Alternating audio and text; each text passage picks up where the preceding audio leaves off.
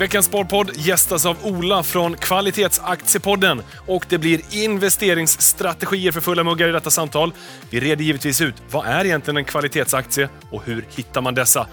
Och massa annat. Håll nu till godo, för nu kör vi igång. Jag säger hjärtligt välkomna till Sparpodden, ny vecka. Och denna gång säger jag hjärtligt välkommen till Ola Brageborn. Välkommen hit! Tack, kul att vara här. Många kan kanske känna igen rösten ifrån Kvalitetsaktiepodden. Ja, Jättekul att ha det här. dock inte så många ansikten tror jag. Men, men Nej. rösten är ju en del som känner igen säkert. Ja. Mm. Ja, ni lägger ju inte upp den eh, på, på Youtube och sådär, men om man nu lyssnar på Sparpodden och vill se dig så kan man ju lyssna på Youtube och eh, se Ja. vem du är i verkligheten. Ja, precis, precis. Så är det. Men eh, du Ola, jättestort tack för att du tar dig tiden att komma hit till Sparpodden. Mm. Vi ska prata massa investeringar, strategi, aktier eh, och så vidare. Men, men ska, vi, ska vi börja någonstans liksom, så här, i bakgrund? Vem, Mm. vem är Ola? När snubblade du över aktier? Jag är ju östgöte får man ju säga. Född- kom, Ja. det gör man också. Född i Östergötland och eh, läste civilingenjör i industriell ekonomi i Linköping, Östergötland. Och bor fortfarande i Östergötland, eh, söder om Linköping då, Ja. med min familj. Eh, fru, barn och en hund. Och kanske en Volvo. Eh, ja, snart två faktiskt. Så där ja. så, så eh, ja, ganska så standard. ja. Och, och är det här första gången du är utanför eh, Östergötland? Eller? Nej, det är det inte. Det är det inte. Vi har faktiskt haft lägenhet i Stockholm också okej. eh, ett antal år eh, när jag var uppe och jobbade väldigt mycket här. Men jag, jag trivs bra i Linköping faktiskt. Ja. Ja, eh, som sagt civilingenjör i industriell ekonomi. Läste det tillsammans med Claes. Eh, samma klass faktiskt. Eh, Och Claes är också en del av Kvalitetsaktiepodden då. Just det. Så det var ju vid eh, millennieskiftet ungefär. Och, och där någonstans inser ni att eh, ja, men 20 år senare, då ska vi starta en podd. Nej, men vi blev ganska fort eh, väldigt bra kompisar. Ja. Eh, sen läste vi inriktning mot eh, energisystem. Så både Claes och jag började jobba som mer energiingenjörer, mer på den tekniska sidan. Men fanns det inslag av ekonomi i Ja, det finns i allt. Ja. In- in- industriell ekonomi är ju en civilingenjörsutbildning med väldigt mycket fokus på, på eh, ekonomi. Då. Både makro och, och företagsekonomi och sådär. Eh, men vi, vi landade i energibranschen på olika håll, både Claes och jag. Eh, jag på det lokala energibolaget i Linköping, då, eh, Tekniska verken, som energiingenjör och Claes eh, körde lite kons- konsult och sådär. Ja. Ehm, ja, ganska fort insåg jag då att, då att det var liksom egentligen aktier jag ville hålla på med. Eh, Ja, men, men, och hur liksom, kom du i kontakt med det första gången? Ja, det var väl sig egentligen med. bubblan, skulle Ja. jag säga. 99. Gick på universitetet då, eh, 20-årsåldern och gjorde väl det som väldigt många tyvärr måste få gå igenom. Ja. Eldprovet. Ett eldprov, det vill säga testa, eh, se det som lotteri mer, eh, dras med i en hype. Eh, vilket det var då. Då var det ju extremt eh, höga priser på många it-bolag. Ju. Eh, så att jag hade väl 10 000 undansparat då som student tror jag och fick väl upp det till 110 tror jag innan det vände då 2000. Ja. Fick loss en tv kommer jag ihåg eh, och en resa för mig och min flickvän då till New York.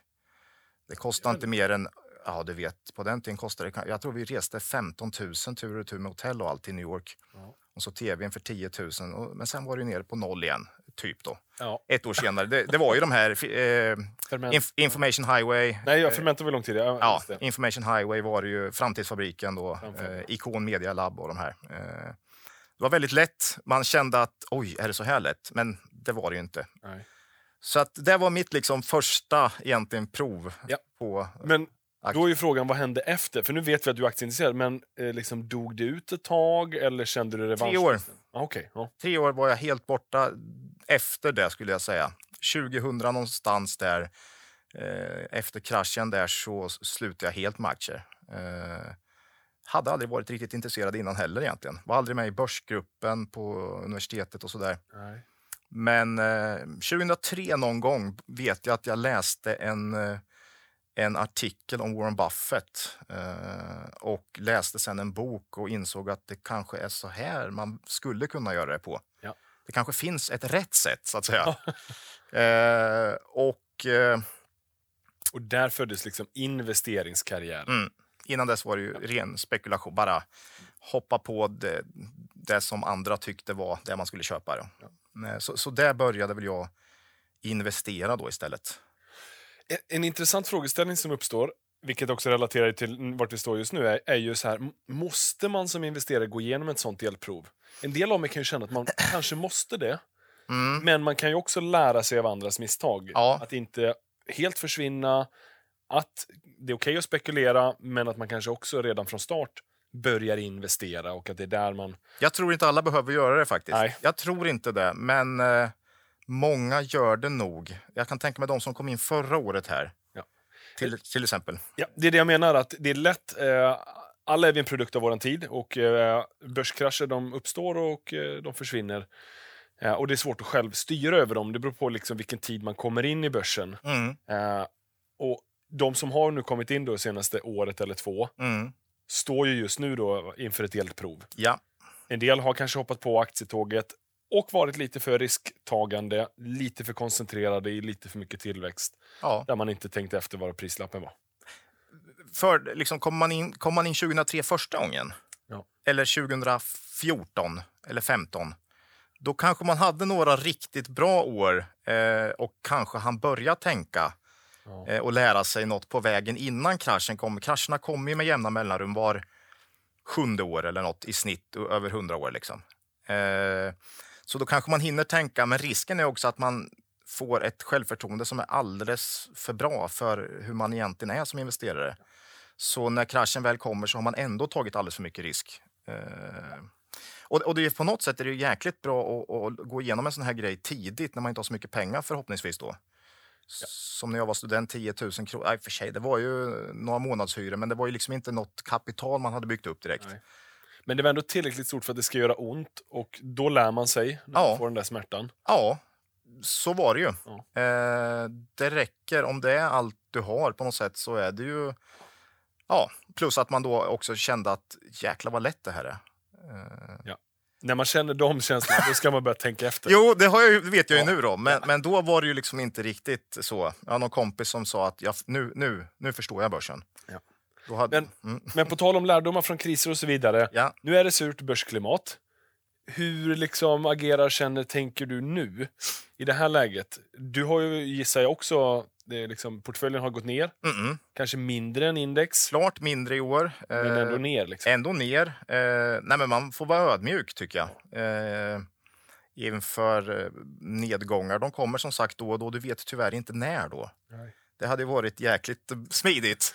Ja, Du, du, du satt inte där vid nyårsfesten och bara kände att nej, Nej, vi hade mycket likvider, men det var mer en konsekvens av att vi hade väldigt svårt att hitta bolag vi tyckte var prisvärda då. ja, okej. Eh, eh, ja, men vi har väl haft, hade mycket likviditet in i året och sen har vi haft något tur med något bud och sådär. Eh, men, men eh, klart vi är ner nu Ja. eh, och det får det vara. ja. Eh, och man måste alltid liksom på något sätt tänka relativt också tycker jag. Eh, så länge du är ner 15% av börsen 30 då tycker jag ändå de har gjort det bra. Man kommer ur det här så småningom på en lite högre bas då än vad index ligger då. Att, eh, Men vad hade du gjort om du hade varit ner 25 och börsen ner 20? Och det här är ett halvår, så att säga. Mm. Är det tillräckligt lång tidshorisont Nej. att utvärdera sig? Eller? Nej, jag har egentligen haft samma filosofi sedan 2003 nu. Ja. Eh, så snart 20 år. Så att det måste ju till många år av underpresterande nu för att jag ska tycka att fanken, det här håller inte längre. Liksom. Eh, så, så nu, har man ju så nu är man ju så säker på sin filosofi och strategi och att den dessutom passar mig som person då. Ja. Så, så um, det kräv, om, om någonsin skulle jag säga. Eh, jag- Nu, nu blir jag ju nyfiken då. Vad Mm. är den här filosofin och strategin? Det är det man vill hugga tag i. Va- vad, ska, vad ska man börja någonstans? Alltså, jag vet ju om att ni har en relativt diversifierad portfölj, ganska bred. 10-15 bolag. ungefär. 10-15? Mm. Okej, det var mer koncentrerat än vad jag gissade faktiskt. Eh, ja. Men, Mm. Eh, Förutom Marcus då, han kör ju ett eget pens- pensionsspar också med säkert 40 aktier i. Men det, han, är, han är mer samlare, han samlar på kvalitetsaktier Ah, okej. eh, och, och håller så eh, i sitt pensionsspar. Men i företaget då, det här företaget, jag kanske inte har sagt det, men vi, jag startade ett företag 2003-2004 där också Ja. tillsammans med min far och det är det företaget vi har byggt upp kapital i. Ah, okej. Och det är det, det är det bolaget vi alla tre jobbar i, då, Claes, jag och Marcus. Ja. Eh, och det är det vi investerar ifrån då, som ett investmentbolag. Då. Ja. Eh, ja, vad var vi? Ja, och vad är det ni letar efter? För Ja, just det. Eh, ganska väsentligt då. Ja. Eh, Warren Buffett, Peter Lynch, stora förebilder. Ja. Och eh, från dem har man väl fått det här att det ska vara bra bolag som visar vinst och som över tid växer. Det är väl lite mer Peter Lynch kanske då, eh, och Buffett senare delen av sin karriär. Liksom. Men, men eh, vi är väl en kombination av klassisk värdeinvestering och tillväxt då. Ja. Eh, men mycket mer värde än tillväxt om jag får välja då. Ja. Eh, kan vara 5% årlig tillväxt i snitt. Eh, funkar bra om man får det till tillräckligt lågt pris då. Och, för det det, när någon säger mer värde än tillväxttilt, Mm. för mig betyder det att det är prisbilden som är det viktiga. Mm. Alltså att jag kan aldrig acceptera ett för högt P tal Nej, eh, där är vi hårda. och där är vi hårda. Ja. Någon som kan vara mer tiltad mot tillväxt Mm. kan acceptera P 40 Mm. förutsatt att vinsten växer med 50. Ja. Nej, Men det, för er låter det mer som att det är ja, det är det. prisen, det har ett kapp hur mycket Mm. man kan betala. Vi vill ha så hög tillväxt som möjligt till, eh, nej men liksom, till ett rimligt PE. Då. Ja. Om vi säger så. Eh, De bolag som växer 10-20 procent per år. Självklart P 15 det kan man betala också, men aldrig uppåt de här 30-40 PE som man ser drar iväg ibland. Liksom. Eh, Okej. Eh, Så, så är det. Men vi vill ju ha så bra bolag som möjligt. Och bra bolag, det vill säga bolag som växer och en stabil lönsamhet. Ja. Eh, Lång historik gärna. Så man vet att över en konjunkturcykel är det här ett bolag som klarar sig. Mm. Och såklart bra balansräkning då. För det blir ju viktigt just i tillfällen som nu då. Ja. Eh, Det låter ju alltid så enkelt när någon säger det. Ja, ja. Och för, för det är ändå så här, det är ju jätteimponerande hur, vad ni har byggt upp. Ni lever ju på det här. Eh, så det är ju klart mer av ett hantverk än vad det låter. Men Mm. det är det här jakten efter kvalitetsbolag. ja eh, Liksom, vad är det... När, när tackar ni nej? Eller när liksom investerar ni inte? Har, har ni några sådana tydliga kriterier? Ja, men för det första är det väl kanske om man tycker att man inte tycker bolaget är tillräckligt kvalitativt. Ja. Det kanske är lite för ryckigt i, i sin intjäning, eh, sina marginaler. Okay. Kan det bli 1% lönsamhet nästa år? Det var 7 i år. Liksom. Ja, då är vi ganska tveksamma. Utan gärna stabil lönsamhet och eh, väx- konjunkturokänsligt framför allt. Men det är inte alls säkert. Vi kan ta konjunkturbolag med liksom, om, de, om de är rätt prissatta. Men, men framförallt en stabilitet. Liksom. Och, och produkter vi förstår såklart. Det är något Buffett har pratat mycket om.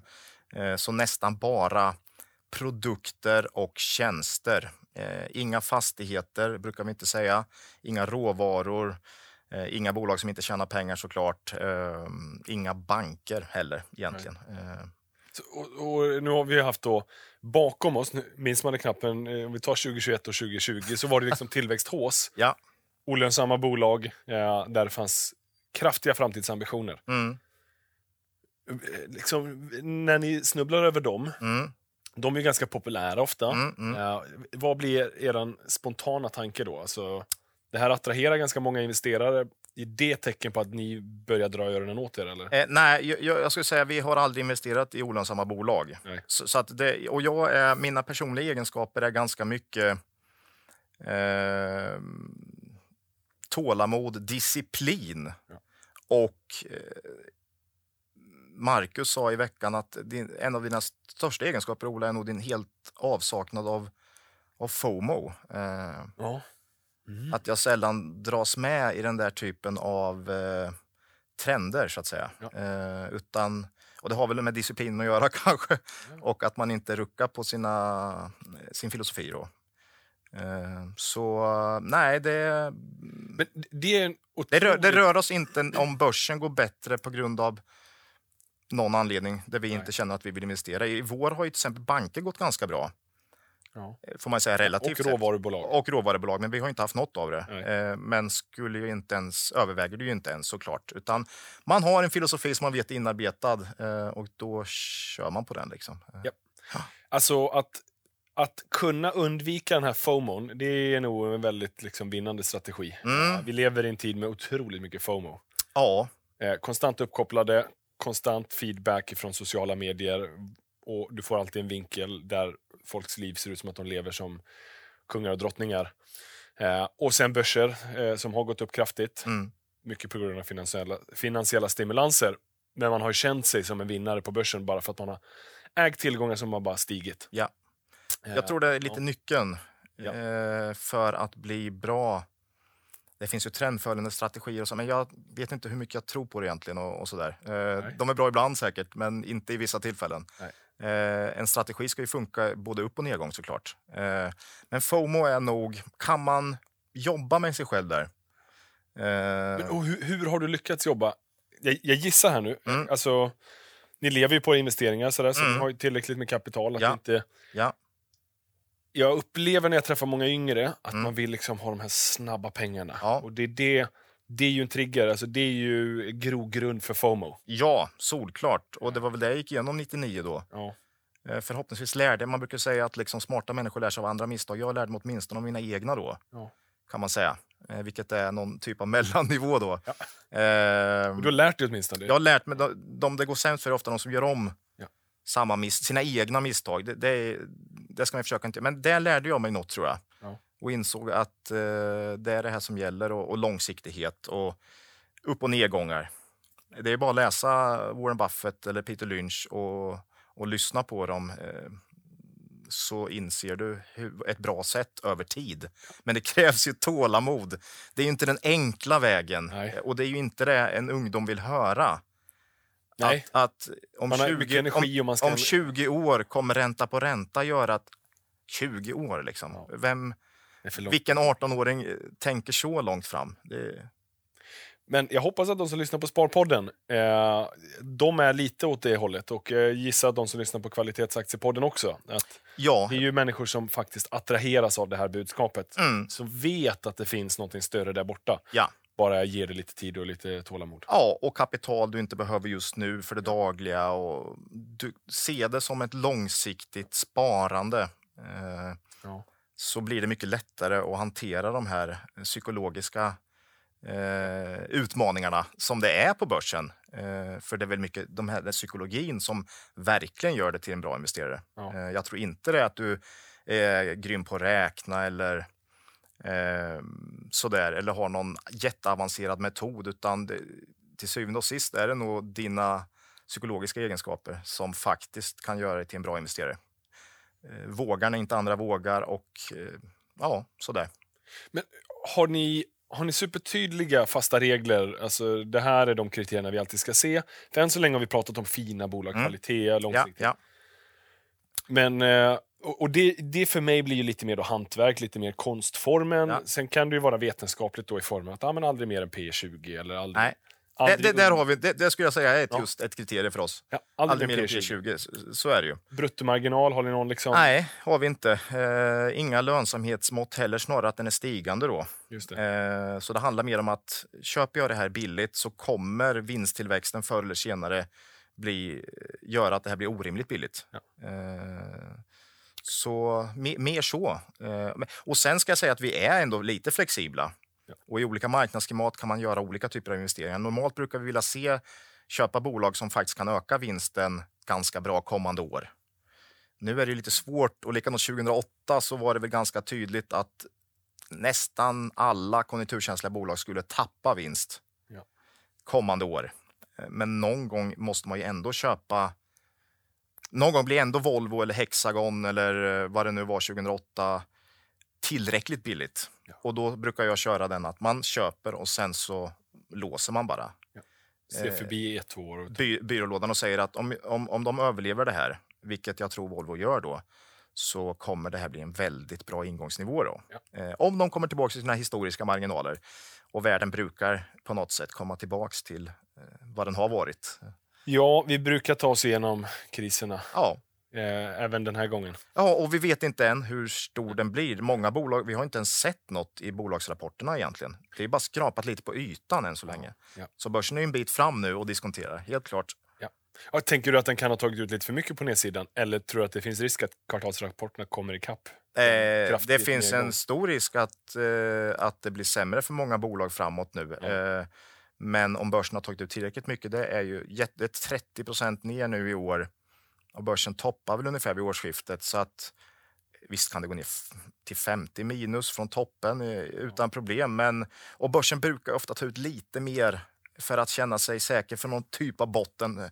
Köper vi nu så är det ändå, eh, så måste det vara billigt så att säga. Ja, Eh, ja. och sen har du ofta den här rejäla urblåsningen. eh, Den tycker jag inte riktigt vi har sett än. Eh, Nej, den brukar dyka upp. Den brukar dyka upp någon gång eh, när den närmar sig slutet eller åtminstone tillfällig botten. Då. Eh, Jag Nu pratar jag lite tio här nästan, men ja. Nej, men, ö, ja. Nej, inte ja. det låter inte som att du är ett stort fan av teknisk analys. Nej, jag, det, just eftersom att eh, jag är liksom en fundamental eh, Ja. Analyt... Eh, du, du, det är alltså så här, kursutveckling och sånt, det är inte så viktigt. Du, klart, Nej. de mäter sin avkastning från vad du köper till vad du säljer, men, så är det ju. Eh, men däremellan vad som händer, att Nej. studera kursmönster, inte... Nej, inte alls egentligen. Eh, försökte någon gång 2005-2006, eh, läste en hel del böcker. Eh, men fastnade inte.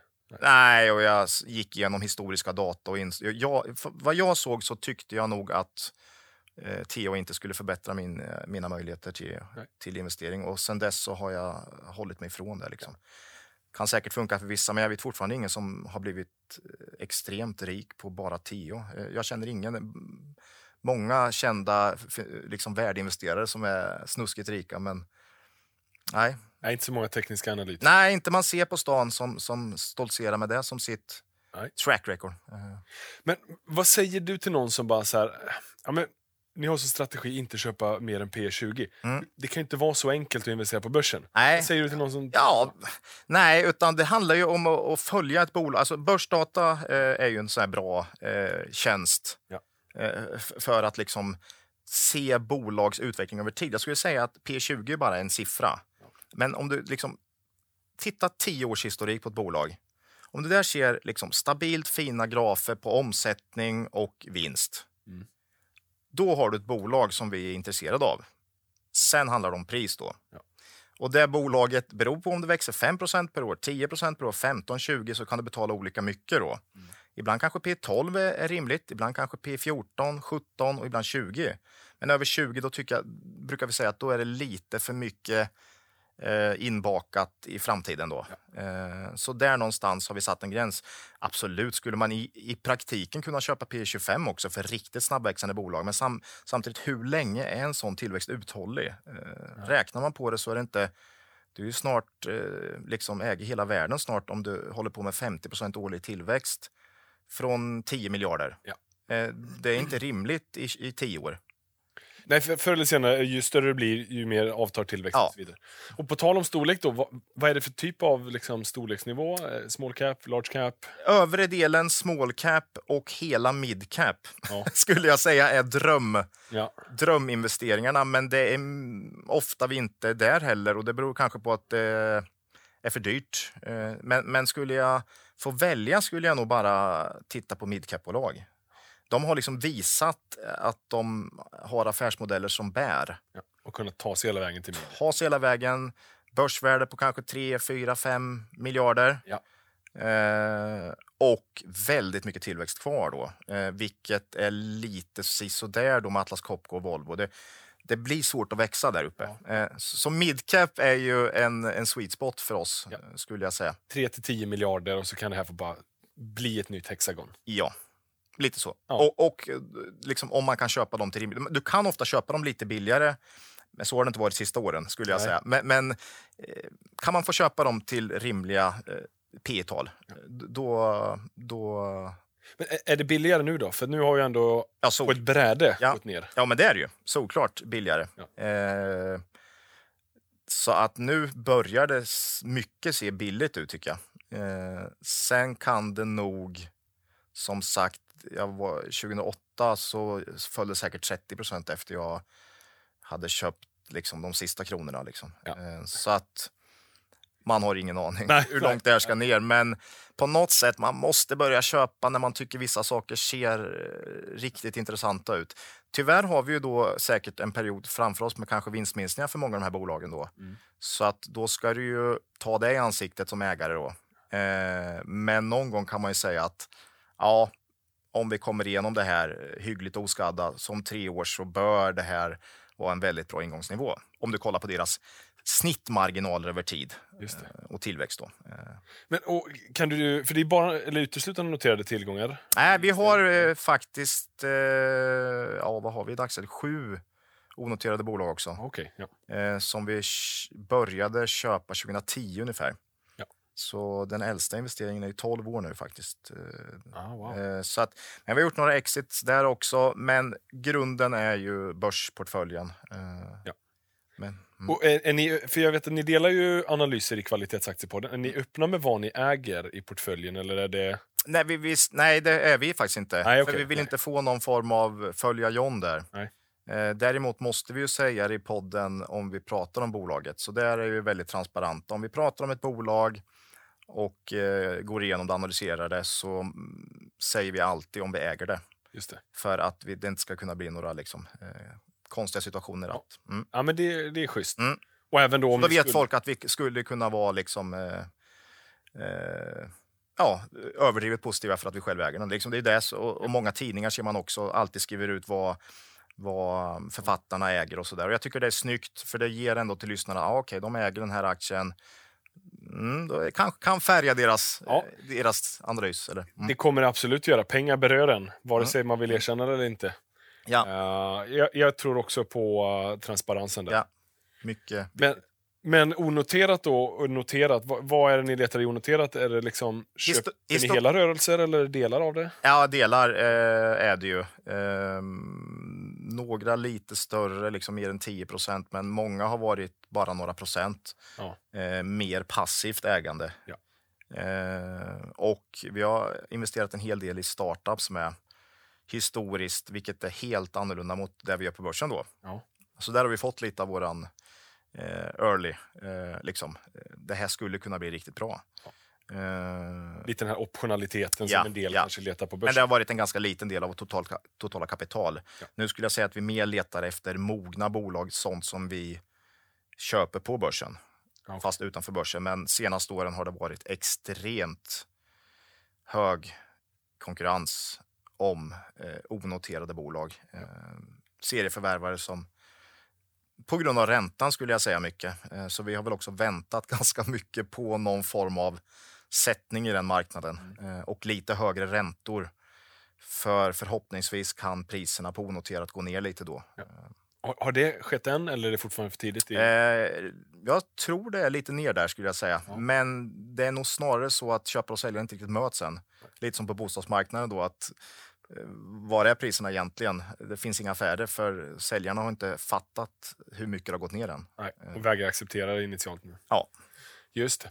Men eh, det låter ju inte på er som att ni lägger så mycket aktivt ägande, alltså man är inne i bolagen och rattar runt lite och styr. Ut. Nej, ett par åt gången skulle jag säga som vi är aktivt eh, involverade i. Eh, I styrelser och så. Eh, annars så är det ju eh, mest passivt. Ja. Bra, bra piloter vill man gärna ha i de här bolagen då. Så det blir ju... Man, man lämnar ju över mycket av besluten till vd då Mm. och den styrelse som sitter om man inte själv är med. Så då vill man ju åtminstone träffa dem och på stämman kan man också vara med såklart. Då. Ja. Ja, men så länge man känner att eh, vdn själv äger en del och har rätt incitament Mm. för sig så eh, får den liksom springa på.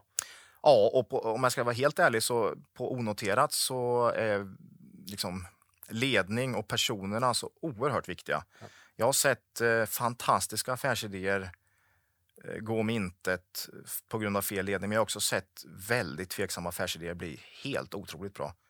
Ja. På grund av att människan har lyckats på något sätt krångla sig förbi alla de här konstiga hindren. Liksom. Ja. Eh, så människan är väldigt viktig eh, just i mindre bolag egentligen. Eh, Stora bolag, det är svårt att rucka på Volvo, de här H&M Liksom. Ja. Eh, Men ändå, alltså small midcap-segmentet, ja, där small, kan det ju vara ganska avgörande också. ja, small i alla fall. Ja. Eh, men midcap också. Och ledning, herregud. Det är viktigt. Ja. Det ser man. Eh, det handlar om att våga och ta rätt risker och det här hela tiden. Och in, våga investera, våga hålla igen och...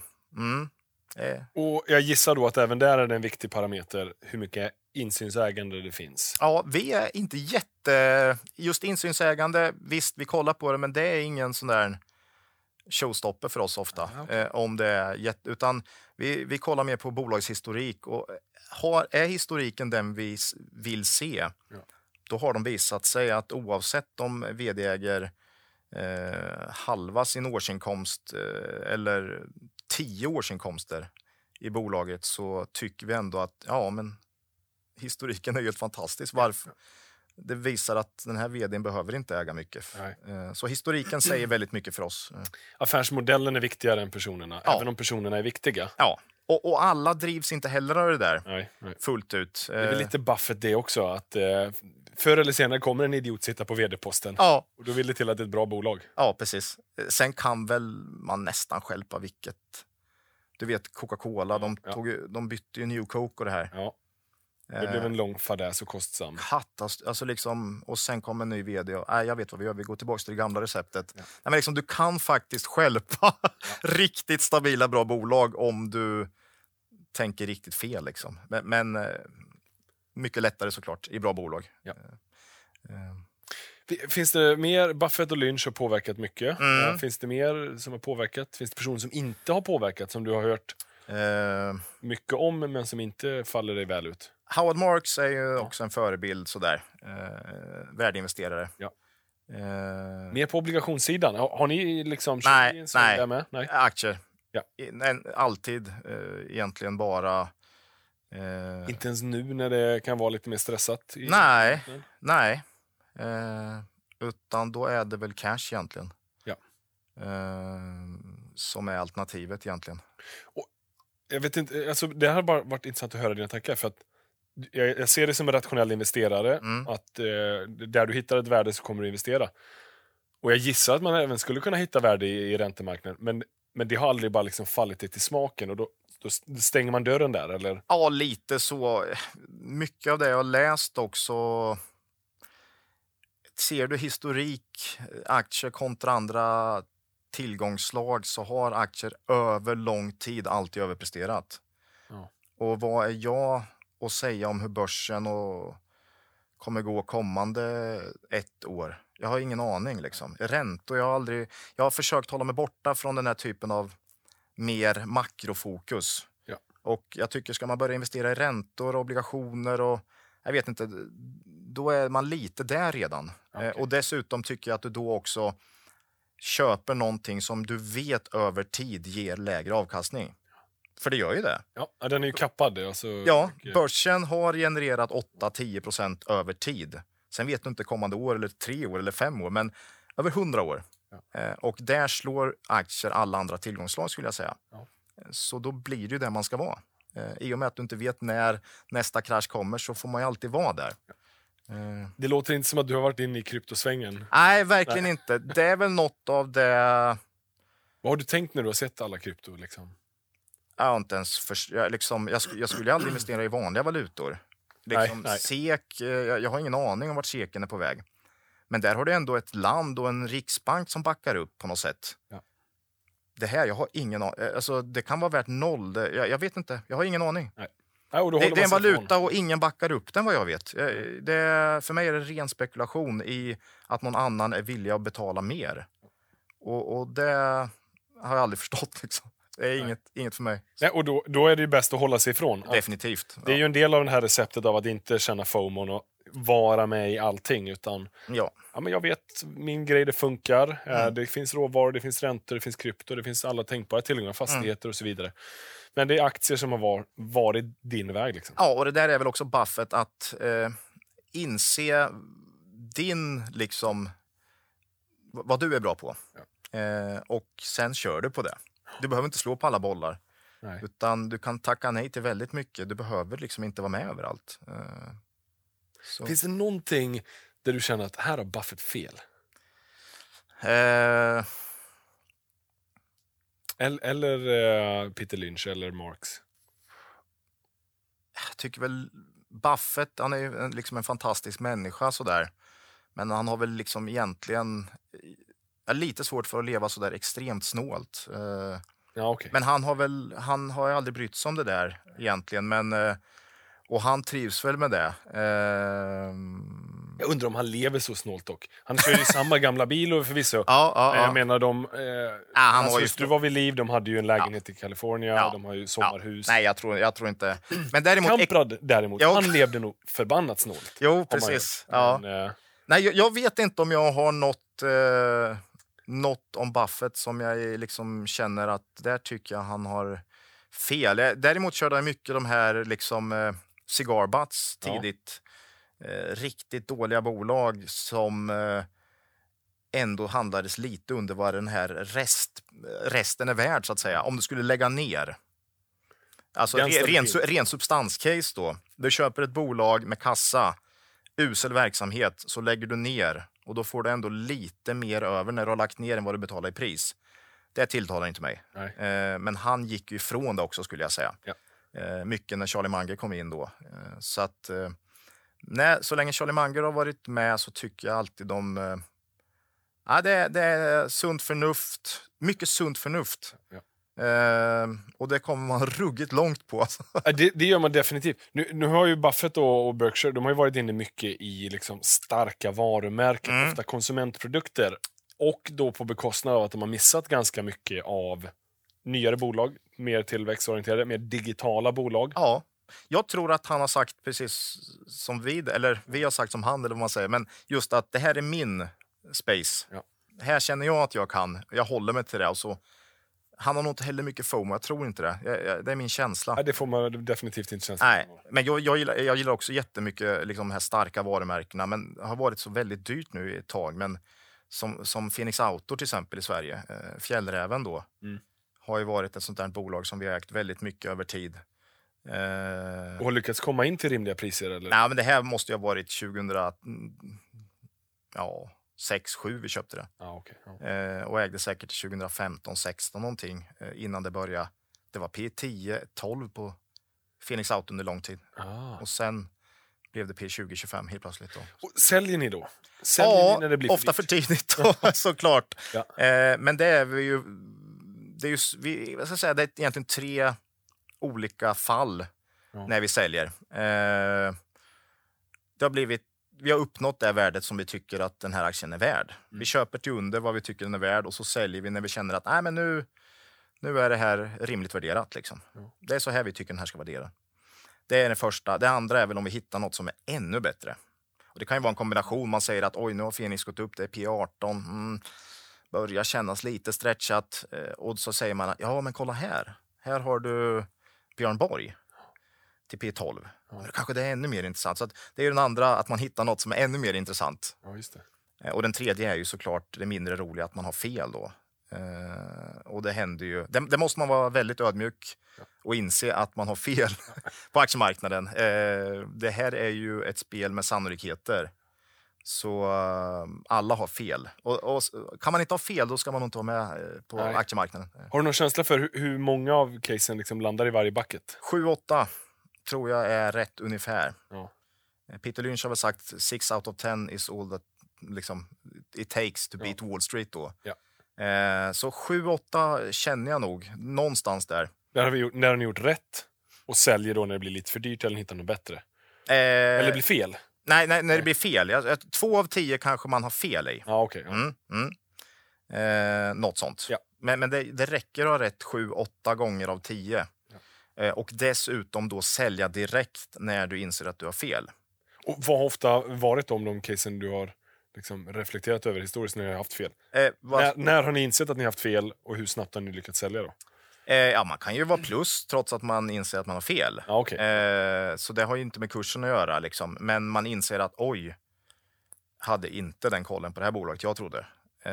Men ofta är det ju samband med en vinstvarning eller samband med en rapport som man läser och inser att det här är inte alls det jag hade trott om det här bolaget. Eh, eller att de ändrar inriktning eller att produkten börjar bli out of fashion. Men det är inte så jätteofta det händer att ett kvalitetsbolag blir något annat. Ofta är ett, kvalitet, ett bra bolag ett bra bolag.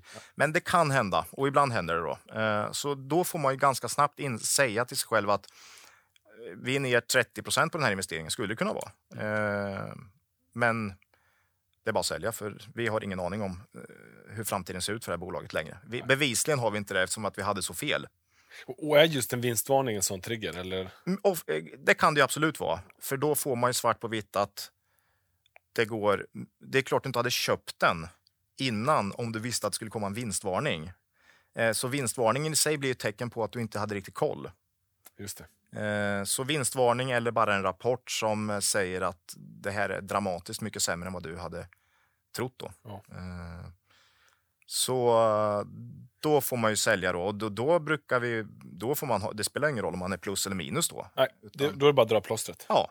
Men, men, den svåra, jag håller ju med om det, alltså det är ju otroligt viktigt att kunna ta en förlust. Mm. Kanske viktigare att kunna ta en förlust än att ta en vinst. Mm. Uh, men det är så svårt att veta när. Alltså det är ju en del av hantverket, mm. givetvis. Att med erfarenheten så kommer det där uh, liksom klarna. Mm.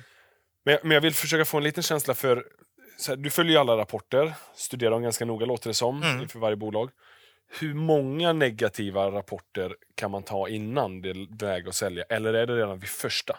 Eh, ja, det, det, tycker jag beror på... Jag brukar, jag brukar säga, är det en plump eller inte? Mm. Och då menar jag, liksom, har bolaget gjort bort sig? Eller är det mer en konsekvens av en marknad? Ah, okay. eh, och framför allt Finns det en rimlig förklaring till varför det har gått som det har gått? Eller är det något out of the blue som jag liksom inte alls tycker är, är rimligt? Eh, sen kan man ju också sälja i och för sig på grund av att man ser att oj, det här bolaget kommer ha en tuff marknad i två år nu. Ja. Då kanske man ändå säger att finns det ingenstans att ha pengarna som är bättre kommande två år än i det här bolaget som förvisso kanske blir riktigt bra på fem års sikt.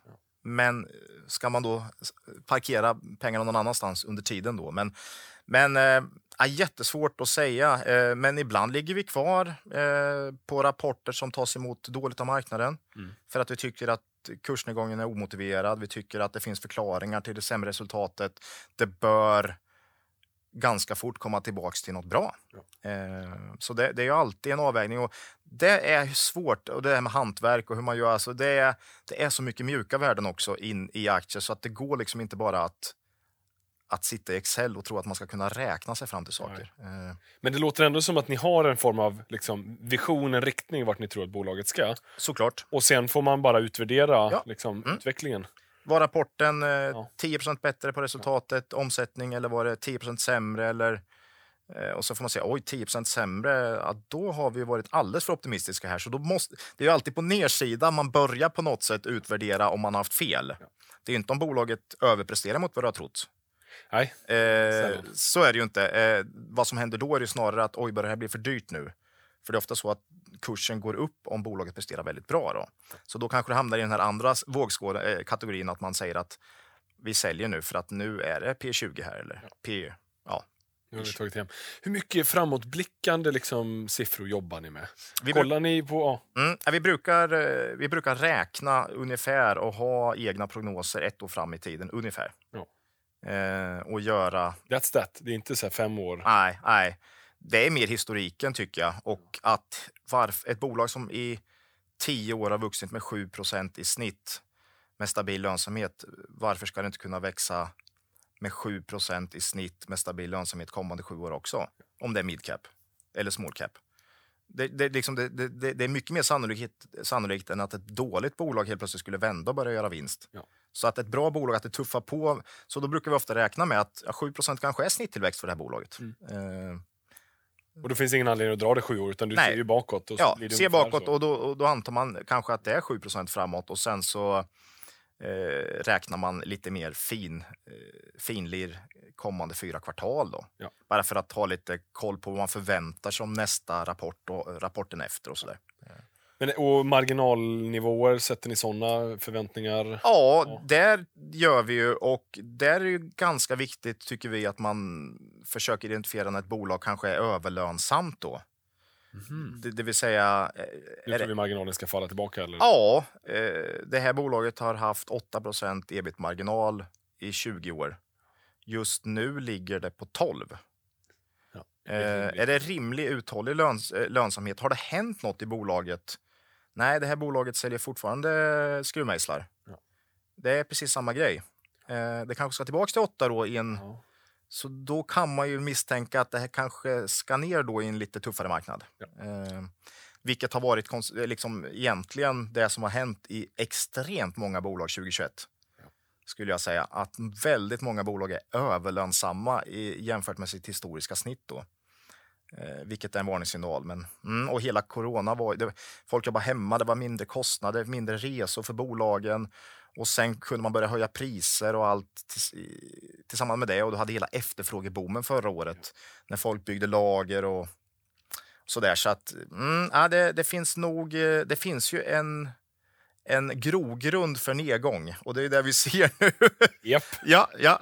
Varför sa du inte det här till mig i i årsskiftet? Ja, ja. Eh, och, och som sagt, när skulle det komma? Man skulle kunna tro att det kom ett år tidigare eller att det inte skulle gå upp här emellan. Så, så du vet ju att, Nej, man att, vet aldrig. man vet att börsen gick upp så mycket 2021. Ja. Det hade man ingen aning om och att den skulle gå ner just i år, det visste man inte heller. Så att, Fokuset ligger på bolagen och hitta Ja. liksom rimligt värderade kvalitetsbolag. ja. Det är mycket sunt förnuft. ja, det behövs inte mycket mer. Man, Men vad, vad, vad gör du på dagarna? Du jobbar i det här investmentbolaget. Du, Mm. du bara sitter och läser och analyserar. Vad- Eh, ja, mycket så är det ju. Lite möten och så med bolag. Eh, men det är ju egentligen det, att utvärdera väldigt... Vi försöker följa många bolag. Ja. Kanske hundra kvalitetsbolag som vi tycker. Ja, okej. Och sen så väljer man ut 10 av dem, eller 15. Eh, Men det tar ändå tid att följa 100 bolag, fattar jag? ja, det gör det ju. Ja. Och sen så... mm, Nu förändras ju priserna ganska mycket då, på snabb. Så då gäller det att ha koll på kanske bolag som man inte har haft koll på på ett tag. Eh, och det är bolag som kanske har dragit iväg i pris, men helt plötsligt, oj, shit, är Thule nere på P14 liksom? Eh, Eller vad det nu är. Ja. Så, så att eh, det är ju i såna här situationer som det gäller att utvidga sitt sökområde skulle jag säga. Ja. För helt plötsligt så kommer ett bolag du inte ens har tittat på på två år kan börja screena intressant då. Så Och det låter som att processen för er är just screena, använda börsdata för att liksom vi sålla har fram egen bra. Excel också då. Eh, Ja. Och sen ja. börja liksom gräva lite djupare. Eh, Ja. man har hittat. ja, En del av dem följer ni och har säkert följt några år tillbaka, så då har man en, här, en övergripande bild av det. ja. Men när, när det börjar se bra ut så kanske då liksom... Då investerar man. När man tycker att liksom det, nu är priset eh, rimligt. Ja. Och sen kommer det helt plötsligt in nya bolag som man inte har haft koll på innan. Eh, som kanske noterades 2018 som eh, man tyckte alldeles för kort historik. Men, men nu börjar de få liksom lite historik. och just det. eh, Så det kommer hela tiden nya bolag eller bolag som man aldrig bara har hunnit med. Eh, Finland, Norge, Danmark. Så det finns väldigt mycket bolag som Och är det, det är geografiska begränsningen? Alltså, skulle jag säga. Ja. Norden. Eh, och det är väl lite där man känner att man kan ha lite, lite bra koll. Ja. Eh, annars bör, blir det lite väl långt ifrån. Ja. Otroligt intressant. Jag tänker så här eh, avslutningsvis. Mm. Eh, de tre bästa eller sämsta tipsen som du har liksom snappat upp genom åren. Det kan vara alltså tre, tre väldigt bra tips som Mm, har varit helt mm. avgörande för dig. Ja. Två bra tips ett dåligt. Eller, bara så här, du har ändå erfarenhet på börsen. Mm. Vad, vad har du snappat upp där? Nej, men jag får nog ändå säga det här liksom när jag från början insåg att det nog inte är värt att lägga tid på vart börsen är på väg eller vart konjunkturen är på väg eller vad som händer med oljepriset eller eh, räntorna eller svenska kronan. När man insåg liksom att lägg din tid på bolagen istället. Ja. Och det är väl mycket Buffett liksom. Eh, och Lynch med för den delen. Men liksom är, när man läste det och insåg, ja, för det finns så jäkla många som sitter och försöker följa konjunkturen och ska man vara helt ärlig, utfallet på dem, det är inte bra alltså. Nej. Ja, Prognoser blir väldigt ofta fel. varför skulle jag göra det bättre? Men däremot om du har koll på väldigt mycket bolag och följer dem. Mm, där har du något bra. Bolagen påverkas av allt det där vi pratar om med konjunktur och så, men de kommer ju tillbaks. Ja. Eh, Bottom up. bottom up, det, det är nog mitt absoluta eh, favoritråd.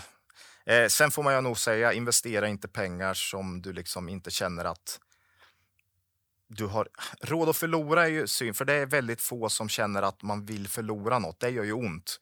Men mentalt ska det inte vara pengar du behöver under de närmsta åren. Nej. Du blir så mycket starkare i nedgång eh, om du inte investerar sånt som, eh, som du har råd mentalt att förlora. Eh, och det har väl också då med belåning att göra. Aldrig belåna portföljen. Eh, Aldrig blir, alls. Liksom. Nej, har vi aldrig gjort. Eh, Och jag tror man blir så väldigt mycket eh, mer påverkad i en börsnedgång eh, om du investerar med, med pengar som du inte känner att du har råd att förlora. Eh, Sista. ja, eh, kan vara dåligt tips som du har liksom sprungit på. Som du har känt dåliga tips tycker jag man ser relativt ofta ju. Eh, på något sätt är det väl eh, Ja, du vet det här med analytikerna är som mest negativa när det är som, som billigast och det här. Och jag tycker ofta man får tipset. eh, Nu tycker jag man ser, börjar de här komma att sälj. Eh, Ja. Kraschen är på gång. Ja, vi är ner 30, alltså vadå krasch är på gång? Det, vi är i en ganska stor nedgång nu. Ja. Eh, visst, det kan bli ännu billigare, men de där tipsen som ofta spelar på psykologiska rädslorna, de är ofta fel. Ja. Försök håll dig ifrån det där. Egentligen tycker jag egentligen alla tips är ganska dåliga. Ja. Eh, Om jag ska vara ärlig. Eh, för, Tänk själv. För tänk själv. Eh, så lyssna inte på andra, utan bilda en egen uppfattning och ha en strategi och filosofi som passar din egen personlighet. Det tror jag är viktigt. Ja. Så det finns många dåliga tips där ute och de kan vara olika dåliga för olika människor tror jag egentligen. Många av det där, eh, och framförallt eh, liksom sentimentet i marknaden, är ofta väldigt reaktivt. När det är ner, då får alla panik och tror att det ska fortsätta ner. Och när det är upp, då blir alla giriga och tror att det ska fortsätta upp och skriker köp. Mm, flockmentalitet, Ja. man säga. Mm. Så eh, fatta besluten själv. Ja, viktigt. Ja. Oerhört viktigt. Försök bilda en egen uppfattning. Och kan du inte det så får man ju investera då får man ju investera i fonder eller eh, fondspara brett. Eh, för då är du kanske inte eh, riktigt eh, lämplig för att eh, handla med aktier om du dras med alldeles för mycket i andras eh, och panik och så. Eh, då kanske det är bättre att lämna över det till någon annan och sen bara inte titta på. Eller månadsspara. Ja. Då, det är ett väldigt bra sätt att, att inte, om du fortsätter med det även nedgång, då är det ett väldigt bra sätt att inte hålla på med de här taj, missa Ja. Timing-effekterna. Bara fortsätta köp hela tiden. Hela tiden. Och kvalitet, bra bolag. Ja. Börja inte köpa sånt liksom, förhoppningsbolag. Eh, utan fortsätt köpa bolag som gör vinst. Det gör de säkert om fem år också. Otroligt eh, intressant. Eh, Ola, vi, vi har pratat massa investeringar och så vidare. Vill man höra ännu mer av dina tankar så finns det ju en kvalitetsaktiepodd. Mm. Ni, ni slänger upp den varannan vecka, va? Varannan torsdag Ja. Kommer vi ut och det är jag, Claes och Marcus då som pratar med fokus på bolag, precis som Ja. jag har varit inne här då. Inte någon makro så egentligen, men, men fokus på bolagen. Ja. Eh, och eh, ja, det är lite förvånande att det finns ändå så mycket värdeinvesterare där ute, för vi har fått ganska stor lyssnarskara ändå. Vi är säkert i kraftig minoritet såklart. Buffett säger att det bara blir mer och mer liksom, eh, icke-tänkande kapital Ja. Där ute med, med trendföljande strategier och, och indexfonder och sådär. Men, men det finns mycket värdeinvesterare. Det, det märker vi på frågor och, och lyssnarantalet. Då. Så det är Men- roligt.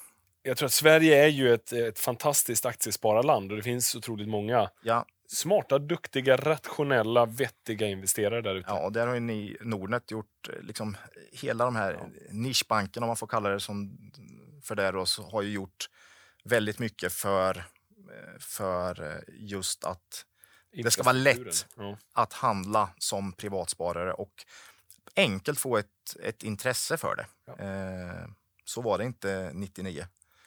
På samma. Det var väl då någon gång det började kanske. Det var, Ja. det var då det började bli lite populärt och man gjorde lite enkelt. Eh, Mm. Kanske lite för enkelt och då blev det den här flockmentaliteten. Ja, ja, Som vi har sett lite liknande smakprov under året. Eh, det blev lite för mycket gamification kring det hela. ja, precis. Men eh, Mm. Nej, men så Där har vi det. varannan Ja. torsdag. Eh, kommer det. härligt, härligt. Du Ola, stort tack för att du kom hit till Sparpodden. Gästade mig här och pratade aktier och investeringar. Det var jättekul. Det var jättekul att ha dig här. Och till er som har lyssnat, jag är fullt övertygad om att ni har fått med er massa matnyttiga tankar. Med det säger vi lycka till med investeringarna och så vet ni att vi hörs och ses igen nästa vecka. Ciao!